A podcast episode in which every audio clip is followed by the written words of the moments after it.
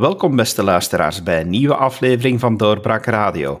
Ik ben uw gastheer David Geens en mijn gast vandaag is Erik van Zummeren, creative technologist en uitvinder van RadiTube. En het is over dat laatste dat ik vandaag met hem wil praten. Welkom Erik in onze podcast. Ja, dankjewel. Uh, ja, dankjewel voor de uitnodiging. Erik, ReadyTube, kan je even ons proberen uit te leggen wat dat juist is? Uh, ja, dus ReadyTube, dat is een, een zoekmachine uh, waarmee radicale content, dus radicale video's op YouTube doorzoekbaar gemaakt worden. Uh, en dat gebeurt momenteel door de ondertiteling, dus automatische ondertiteling van video's te indexeren. En die doorzoekbaar te maken voor journalisten, voor social media onderzoekers. het probleem op dit moment is dat het heel lastig is voor die groep om onderzoek te doen naar deze video's. omdat allereerst, je hebt dus de, filterbubbel, dus als je naar YouTube gaat, dan heb je vaak je eigen videovoorkeuren die je met name ziet. Um, en het tweede probleem um, is dat dus heel veel onderzoekers doen, als ze momenteel onderzoek doen naar YouTube, dan gaan ze dus handmatig al die video's bekijken. Terwijl dus zoveel video's bestaan dat het eigenlijk niet te doen is. Um, en om die reden ben ik RedditTube begonnen. Ehm, is het dan in die zin bijzonder dat men hiermee eigenlijk kan gaan zoeken op wat er gezegd wordt? Want ja, de meeste search engines die al bestaan om bepaalde fenomenen te onderzoeken, die zijn natuurlijk tekstgebaseerd. Die uh, richten zich op uh, sociale media zoals Twitter en Facebook en nog dergelijke meer is het bijzondere dan, eh, mag ik misschien wel zeggen van ReadyTube, dat het, uh, dat het met het gesproken woord aan de slag gaat? Ja, ja, inderdaad. En ik denk dat het, dat is inderdaad een ander probleem wat ik vergeten ben te vertellen. Uh, dus heel veel onderzoek naar radicaliteit op social media, dat beperkt zich vooral tot Twitter, tot Facebook. omdat zij hele toegankelijke API's, dus manieren hebben voor onderzoekers om dus snel die tekst binnen te halen. Maar voor audiovisuele content, als het nou, als je op YouTube is het natuurlijk een stuk lastiger om dat te doen. Um, dus dat is inderdaad een ander belangrijk onderdeel. Uh, en daarnaast een ander groot probleem is dat YouTube dus het afgelopen jaar flink aan de slag gegaan is om dus video's te verwijderen. Maar dat ze daarbij gelijktijdig alles verwijderen. Um, en het probleem is natuurlijk dat heel veel van die video's een best wel grote impact hebben op onze samenleving. En dat het voor uh, onderzoekers, dus toekomstige historici, op dit moment eigenlijk onmogelijk is om die video's te onderzoeken. Uh, die dus zo'n grote impact hebben gehad op onze maatschappij. En RedditTube houdt dus ook die video's bij die verwijderd worden door YouTube. Uh, en daar wordt dus ook een transcript van gemaakt, zodat onderzoekers daar ook door kunnen uh, zoeken. Je zegt een grote invloed hebben, of nog zullen hebben, of hebben gehad. Is dat effectief zo? Heb je, heb je, daar, heb je daar ook uh, zicht op, op, op welke invloed uh, zulke YouTubes uitoefenen? Um, nou ja, een voorbeeld is bijvoorbeeld de, de Flat Earth beweging. Uh, is bijvoorbeeld onderzoek geweest van de Texas Tech University, waar blijkt dat de meeste mensen die geloven in die Flat Earth Society, daarmee in, in, aanraking zijn gekomen door YouTube. Um, maar er zijn bijvoorbeeld ook heel veel andere als je kijkt bijvoorbeeld naar een, iemand als Jordan Peterson, dus de bekende Canadese psycholoog, die heel invloedrijk is in de conservatieve beweging. Uh, die is in eerste instantie vooral bekend geworden door YouTube. Uh, hetzelfde met mensen als Ben Shapiro, Steven Crowder, um, PragerU, een grote conservatieve uh, YouTube mediakanaal. Um, dat zijn allemaal kanalen of mensen, grote persoonlijkheden binnen die uh, alt-right beweging, uh, die vooral bekend geworden zijn vanwege YouTube. Um, ja, en natuurlijk QAnon, dat is natuurlijk het meest, nou, het meest recente. Uh, dus vooral rondom de Amerikaanse presidentsverkiezingen. daar is natuurlijk heel veel om te doen geweest. Dus voor iemand in ehm, het Amerikaanse House of Congress, geloof ik, die dus ook geaffilieerd is met QAnon. Um, maar bijvoorbeeld wat je nu ook veel gaat hebben, is dat heel veel uh, COVID-conspiracy-video's uh, via YouTube verspreid worden. Um, en ook bijvoorbeeld heel veel anti-vaccinatievideo's. Um, dus het is eigenlijk een gigantisch netwerk uh, rondom dit soort video's op YouTube. Je richt je met deze tool voornamelijk op journalisten en academici, heb ik begrepen. Ja, klopt. Ja, het is nu. Um, het is eigenlijk wat specifieker geworden. Dus in eerste instantie was het vooral journalisten, academici. Uh, en de laatste tijd zijn natuurlijk met heel veel potentiële gebruikers uh, aan het praten. Um, en de focus voor nu gaat, waarschijnlijk de komende tijd, gaat vooral liggen op factcheckers en disinformatieonderzoekers. Of misinformatieonderzoekers. Um, omdat die meer baat hebben aan een tool uh, als dit. Het is voor hen nu heel lastig, bijvoorbeeld als er iets viral gaat op YouTube. Dan is het heel lastig voor hen om uh, te zien welke video's uh, dat zijn. Dus ze gebruiken bijvoorbeeld tools als CrowdTangle. Dat is een, een tool van Facebook om door Facebook berichten te zoeken of TweetDeck, een tool om door Twitter te zoeken. Maar ze hebben niet zoiets voor YouTube. Um, dus wat ze nu vaak doen als ze dus dit soort radicale video's proberen te vinden, dan zien ze dat vaak via CrowdTangle. Dus dat betekent dat die YouTube-video eerst gedeeld is op Facebook en daar ook viral is gegaan. Um, maar dat is vaak pas wanneer het al gebeurd is, dus een paar weken later. Uh, en ze willen liever zien dat, oh, gaat nu een video uh, viral, uh, welke video is dat? Um, dus eh, ja, ik zou voor nu zeggen, de focus ligt dus met name op journalisten en onderzoekers voor bijvoorbeeld non-profits, denktanks, um, ehm, NGO's, ehm, dat soort type organisaties die zich de laatste tijd met steeds grotere mate bezighouden met dit soort onderwerpen. Um, en ik denk voor veel academici waarmee ik nu gesproken heb, een groot probleem van Tool op dit moment is dat de kanalen gecureerd worden door, door ons. Um, dus wij bepalen min of meer welke YouTube-kanalen bijgehouden uh, worden. En er zijn veel onderzoekers waarmee we gepraat hebben, die zeggen ja, als ik dit voor mijn eigen onderzoek zou willen gebruiken, dan zou ik liever zelf kunnen bijhouden welke kanalen uh, uh, de tool bijhoudt. Um, en dat is iets waar we dus nu aan werken. Dus wil we het echt interessant maken voor die, voor die doelgroepen, um, dan moeten ze het zelf die kanalen dus bij kunnen houden. Uh, maar wat heel lastig is, en wat ook voor ons heel lastig was, is hoe vind je die kanalen? Omdat het allemaal zo verborgen is. Um, dus één ding waar we nu aan werken is, kan je op basis van allerlei social media signalen zien dus welke kanalen opkomen. Dus um, wat bijvoorbeeld opviel was dat heel veel van die video's, die hebben uh, ontzettend veel backlinks, heet dat. Dat zijn dus websites die dus naar die video's toelinken. Uh, en die worden dus niet zozeer populair vanwege het recommendation engine. Dus zeg maar de lijst van video's die je rechts altijd bij YouTube ziet. Maar meer omdat ze dus in een eigen netwerken, dus hun eigen websites gepromoot worden. En het idee is dus om daar dus te kijken van oké, welke websites linken naar dit soort content en welke, welke video's linken zijn nog meer naartoe. Dus dat je zeg maar zo op basis van nou, dit soort signalen kan zien welke video's populair worden, welke kanalen populair worden. Uh, en een ander probleem is natuurlijk dat heel veel van dit soort kanalen geen hele lange levensduur hebben, omdat ze vaak vroegtijdig verwijderd worden, zeker de laatste tijd. Uh, en wat er dan gebeurt is dus dat één kanaal wordt verwijderd en dan wordt er weer een nieuw kanaal aangemaakt. Dus een kopie zeg maar, van het oude kanaal en die wordt dan weer na twee weken weer verwijderd.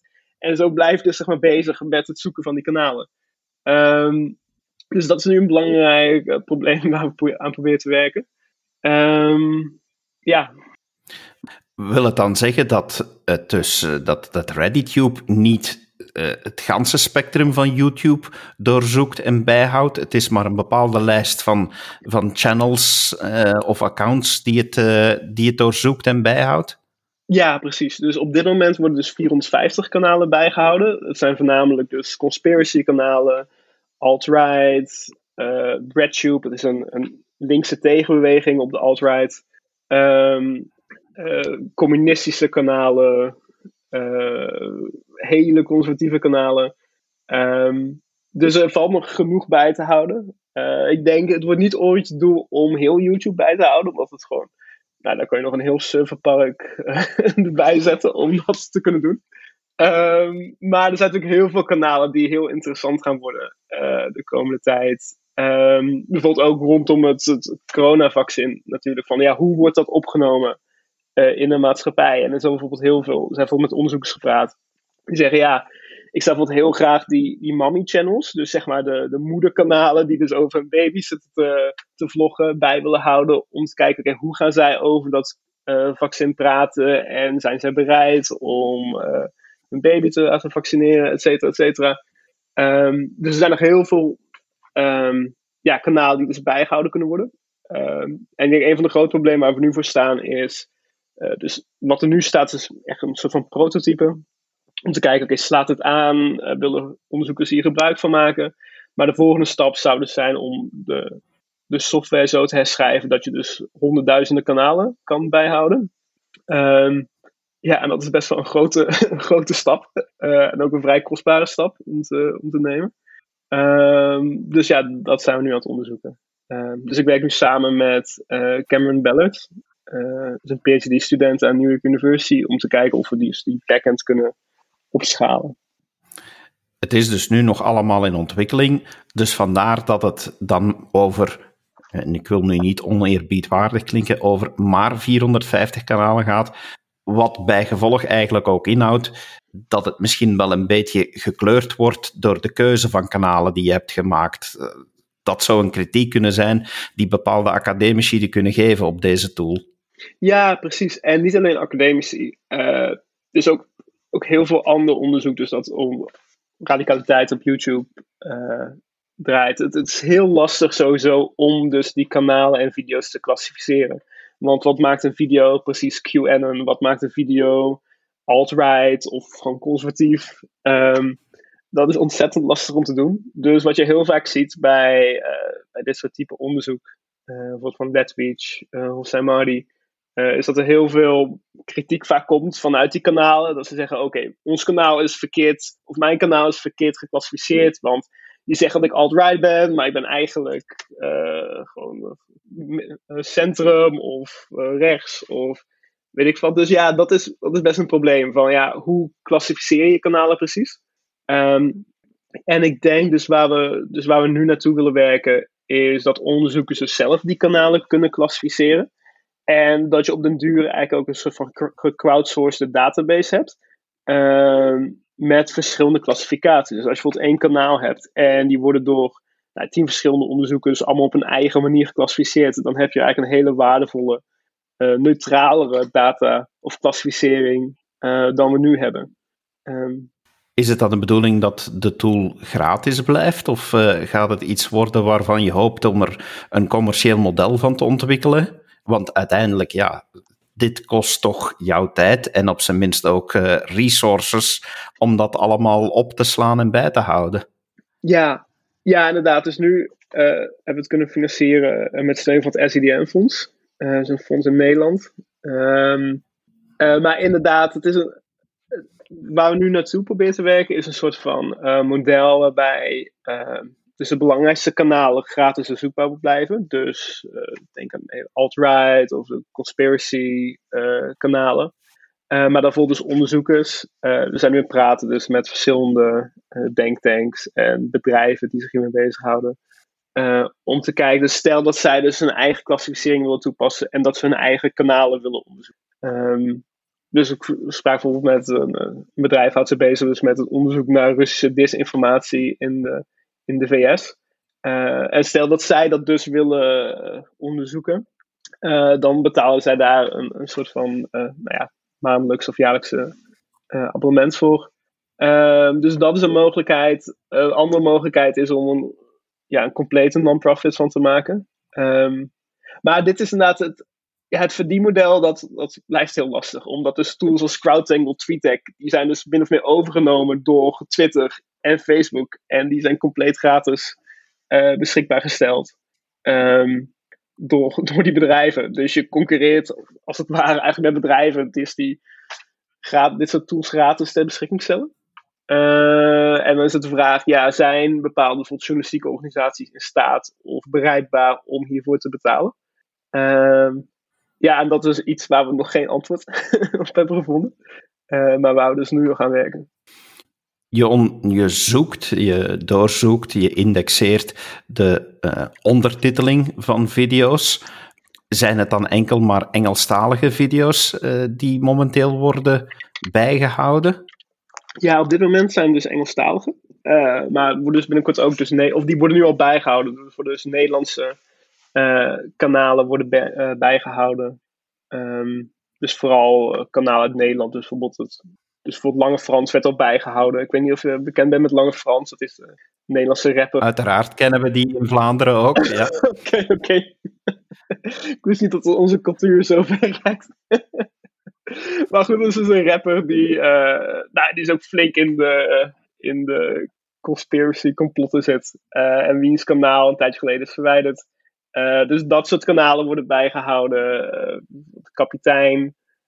dus heel veel van dit soort conspiracy video's, maar vooral vanuit dus video's die populair worden op Facebook en die ze dan reposten op YouTube. Uh, dus worden ook Nederlandse kanalen bijgehouden, maar die zijn op dit moment nog niet doorzoekbaar. Um, het wel een probleem is dat de Engelse ondertiteling superieur is aan de Nederlandse ondertiteling. Uh, dat die af en toe nou ja, wat de wensen overlaat. Uh, maar er is natuurlijk tegelijkertijd een, probleem dat zich waarschijnlijk na verloop van tijd oplost. Of zichzelf oplost. Um, ja, en verder zijn er ook ideeën om dit dus ook andere landen toe te passen. dus een van de denktanks waarmee we gesproken hebben, die lijkt interessant om te kijken of ze het ook op uh, Spaanse video's kunnen toepassen. Dus in Brazilië bijvoorbeeld, Portugese ondertiteling. Um, maar goed, het moet even. Ja, het probleem is, de ondertiteling is gewoon niet altijd even goed. De, zeker in de kleinere taalgebieden is de, ja, blijft de ondertiteling gewoon wat achterwege. Ehm, ja, want voor alle duidelijkheid, we spreken hier over ondertiteling die gegenereerd wordt door spraakherkenning, door Google, eh, ja, als eigenaar van YouTube zelf, door YouTube eh, zelf, en niet enkel ondertiteling die de maker zelf opzet, hè? Ja, nou, het is eigenlijk allebei. Dus het kan in sommige gevallen uh, plaatst de maker ook ondertiteling zelf. Dat zijn vooral bij de grotere mediabedrijven uh, die dat doen, of de grotere kanalen. Uh, maar er is dus ook de automatische ondertiteling. Dus YouTube heeft software, uh, ja, speech-to-text recognition. Uh, en die, ehm, ja, die, eh, die maakt ze automatische ondertiteling aan en die wordt dus door ons geïndexeerd. Ehm, en ik denk dat het grote voordeel daarvan is dat je eigenlijk dus het lastige, het, het meest prijzige werk, het meest kostbare gedeelte, dus het draaien van die software, het downloaden van de video's, dat je dat eigenlijk door YouTube laat doen. Want er zijn best wel veel bedrijven die zich bezighouden met dit soort uh, praktijken. Um, ja, dat is gewoon heel kostbaar om dat te doen. Uh, dus ik denk dat het daarmee voor ons een stuk makkelijker wordt om dit op te schalen naar, uh, nou ja, dus naar honderdduizenden kanalen. Um, is het dan een manier, ik ben nu gewoon luid op aan het nadenken, om onder de radar van uh, te blijven door uh, je video's te gaan opnemen in een van de vele dialecten die een taal kan uh, rijk zijn, zodat uh, die, die spraakherkenning, die, die, die spraak naar tekstherkenning minder goed gaat werken? Oh ja, nou ja, absoluut. En ik denk dat het nu al gebeurt. Dus niet zozeer voor ReadyTube, maar meer voor YouTube. Uh, dus ik ben bijvoorbeeld heel veel voorbeelden tegengekomen van. Um, nou, bijvoorbeeld dit kanaal. een kanaal van een wat oudere man. Uh, en wat hij dan bijvoorbeeld doet, uh, is hij zegt. Een video van 10 seconden. En dan zegt hij: lees de, lees de titel van de video. En dan zijn het allemaal van die Chinese teksten. Chinese karakters die je dus in Google Translate moet gooien. En dan staat er een soort van geheime boodschap in. dus bijvoorbeeld, ik geloof maar één een van de, de koppen die hij had was dat uh, familie Biden, uh, dat dus Hunter Biden, zijn zoon, van, um, dat hij betrokken was bij een of ander schandaal of zo. dus dat, dat bekende Oekraïnse schandaal. Um, en dat het een complot was. dus dat zie je heel vaak gebeuren. Dus dat mensen dus dit soort vreemde tactieken gebruiken. Of ze gebruiken afkortingen. Dus vooral rondom de presidentsverkiezingen zag bijvoorbeeld dat als je dan dat, dat mensen oproepen tot een civil war, omdat ze zo boos waren dat, uh, over de verkiezingen. Uh, dus er zijn bijvoorbeeld afkortingen als CW, uh, afkorting van Civil War. Um, andere dingen die ik tegengekomen ben, dat is dat heel veel kanalen die verwijderen hun eigen video's omdat, dus als die video's populair worden, dan is het vooral de eerste twee dagen. Dus dat ze heel veel views binnenkrijgen. En daarna ja, valt het gewoon, gewoon tegen. Dus wat ze dus doen is dus, na twee dagen verwijderen ze hun eigen video's. Dus ze blijven wel gewoon video's maken. Uh, uh, maar ja, ja, dus dat zie ik uh, vaak gebeuren. dus je ziet eigenlijk gewoon een heel nou, heel wijd spectrum aan allerlei tactieken om dus onder de radar van, van YouTube te blijven. Omdat ze zelf natuurlijk ook, vermoedelijk, waarschijnlijk al zeker, ze maken natuurlijk ook zelf gebruik van die ontiteling om hun eigen video's of om hun eigen content, om, dus om de video's op YouTube te, te modereren. Ehm, en ehm, als je dan, dan inderdaad verder gaat kijken naar, uh, naar je lijst. Ik heb, ik heb eens even de moeite gedaan om, om te kijken naar, naar de lijst van kanalen uh, die momenteel uh, worden gemonitord. En dan valt het mij op dat er, als je kijkt naar, naar hetgeen wat je als rechts kan catalogeren en hetgeen wat je als links kan catalogeren, dat daar toch wel een opmerkelijk onevenwicht tussen bestaat. Is dat effectief zo representatief voor het internet dat, dat alles wat in de rechtse bewegingen valt veel meer aanwezig is op YouTube dan de, dan de linkse uh, of de extreme? Want we hebben het hier natuurlijk wel over de extreme dan de extreem linkse bewegingen. Hmm. Ja, ik denk dat dat zeker, zeker zo het geval is. Ik bedoel, de, de rechtse beweging op YouTube is gigantisch. En ik denk dat, um, ik bedoel zeker de linkse beweging is gewoon prominente actief in traditionele media. Als je kijkt naar alle grote kranten, bijvoorbeeld in de VS, uh, eh, zelfs de New York Times heeft, of de Washington Post, het heeft een relatief linkse uh, signatuur. Uh, dus wat je ziet is dus dat die rechtse, ja, dat er eigenlijk gewoon een parallele mediawereld bestaat tussen de linkse media en de rechtse media. En dat, um, dat ik het zeker idee dat heel van mijn vrienden uh, hier in New York, die overwegend links zijn, um, dat, die, ja, dat die gewoon geen flauw benul hebben wat zich er afspeelt uh, in die rechtse uh, cirkels. En ik denk dat dat ook een van de. het interessante is van RedditTube, dat je eigenlijk dus kan inzien, oké, waar, um, waar praten veel van die kanalen over. Um, dus ja, het, ja, de, de rechtse media op YouTube is gewoon veel sterker vertegenwoordigd dan de linkse media. Um, ja, en wat denk ik ook wel interessant is, is het verhaal van Kevin Roos van de New York Times over Caleb Kane. Uh, en Caleb Kane, dat is een, een, jonge twintiger, uh, die, die, vrij geïsoleerd is, dus een, jonge student. Uh, en die is dus in eerste instantie is hij dus geradicaliseerd door het kijken van YouTube-video's, dus hele rechtse video's. Um, en wat je bijvoorbeeld ziet, uh, is dus die, die BreadTube waar ik het eerder over had. Dus een soort van linkse counternarratief tegenover uh, alt-right. Um, is dus dat hele verhaal, dus wat hij geschreven heeft, dat draait over het kijken um, naar, die, naar die dus rechtse video's. dus ze hebben dus een hele kijklijn, timeline zeg maar, gereconstrueerd. Dus wat je ziet is dat hij in eerste instantie heel van die rechtse video's bekijkt. En vervolgens gaat hij steeds meer van die linksere video's bekijken. Um, en wat ik zelf heel interessant vind, is dus dat je eigenlijk een soort van strijd gaande hebt op, op YouTube. Um, er is wat een bekend kanaal, dat is uh, de Joe Rogan uh, Experience. Dat is een podcast van Joe Rogan, uh, de voormalige MMA-verslaggever volgens mij die dus heel populair is en vaak wordt gezien als een van gateway naar de alt-right. Maar daartegenover heb je bijvoorbeeld een kanaal rondom uh, Zizek. Dat is een fankanaal.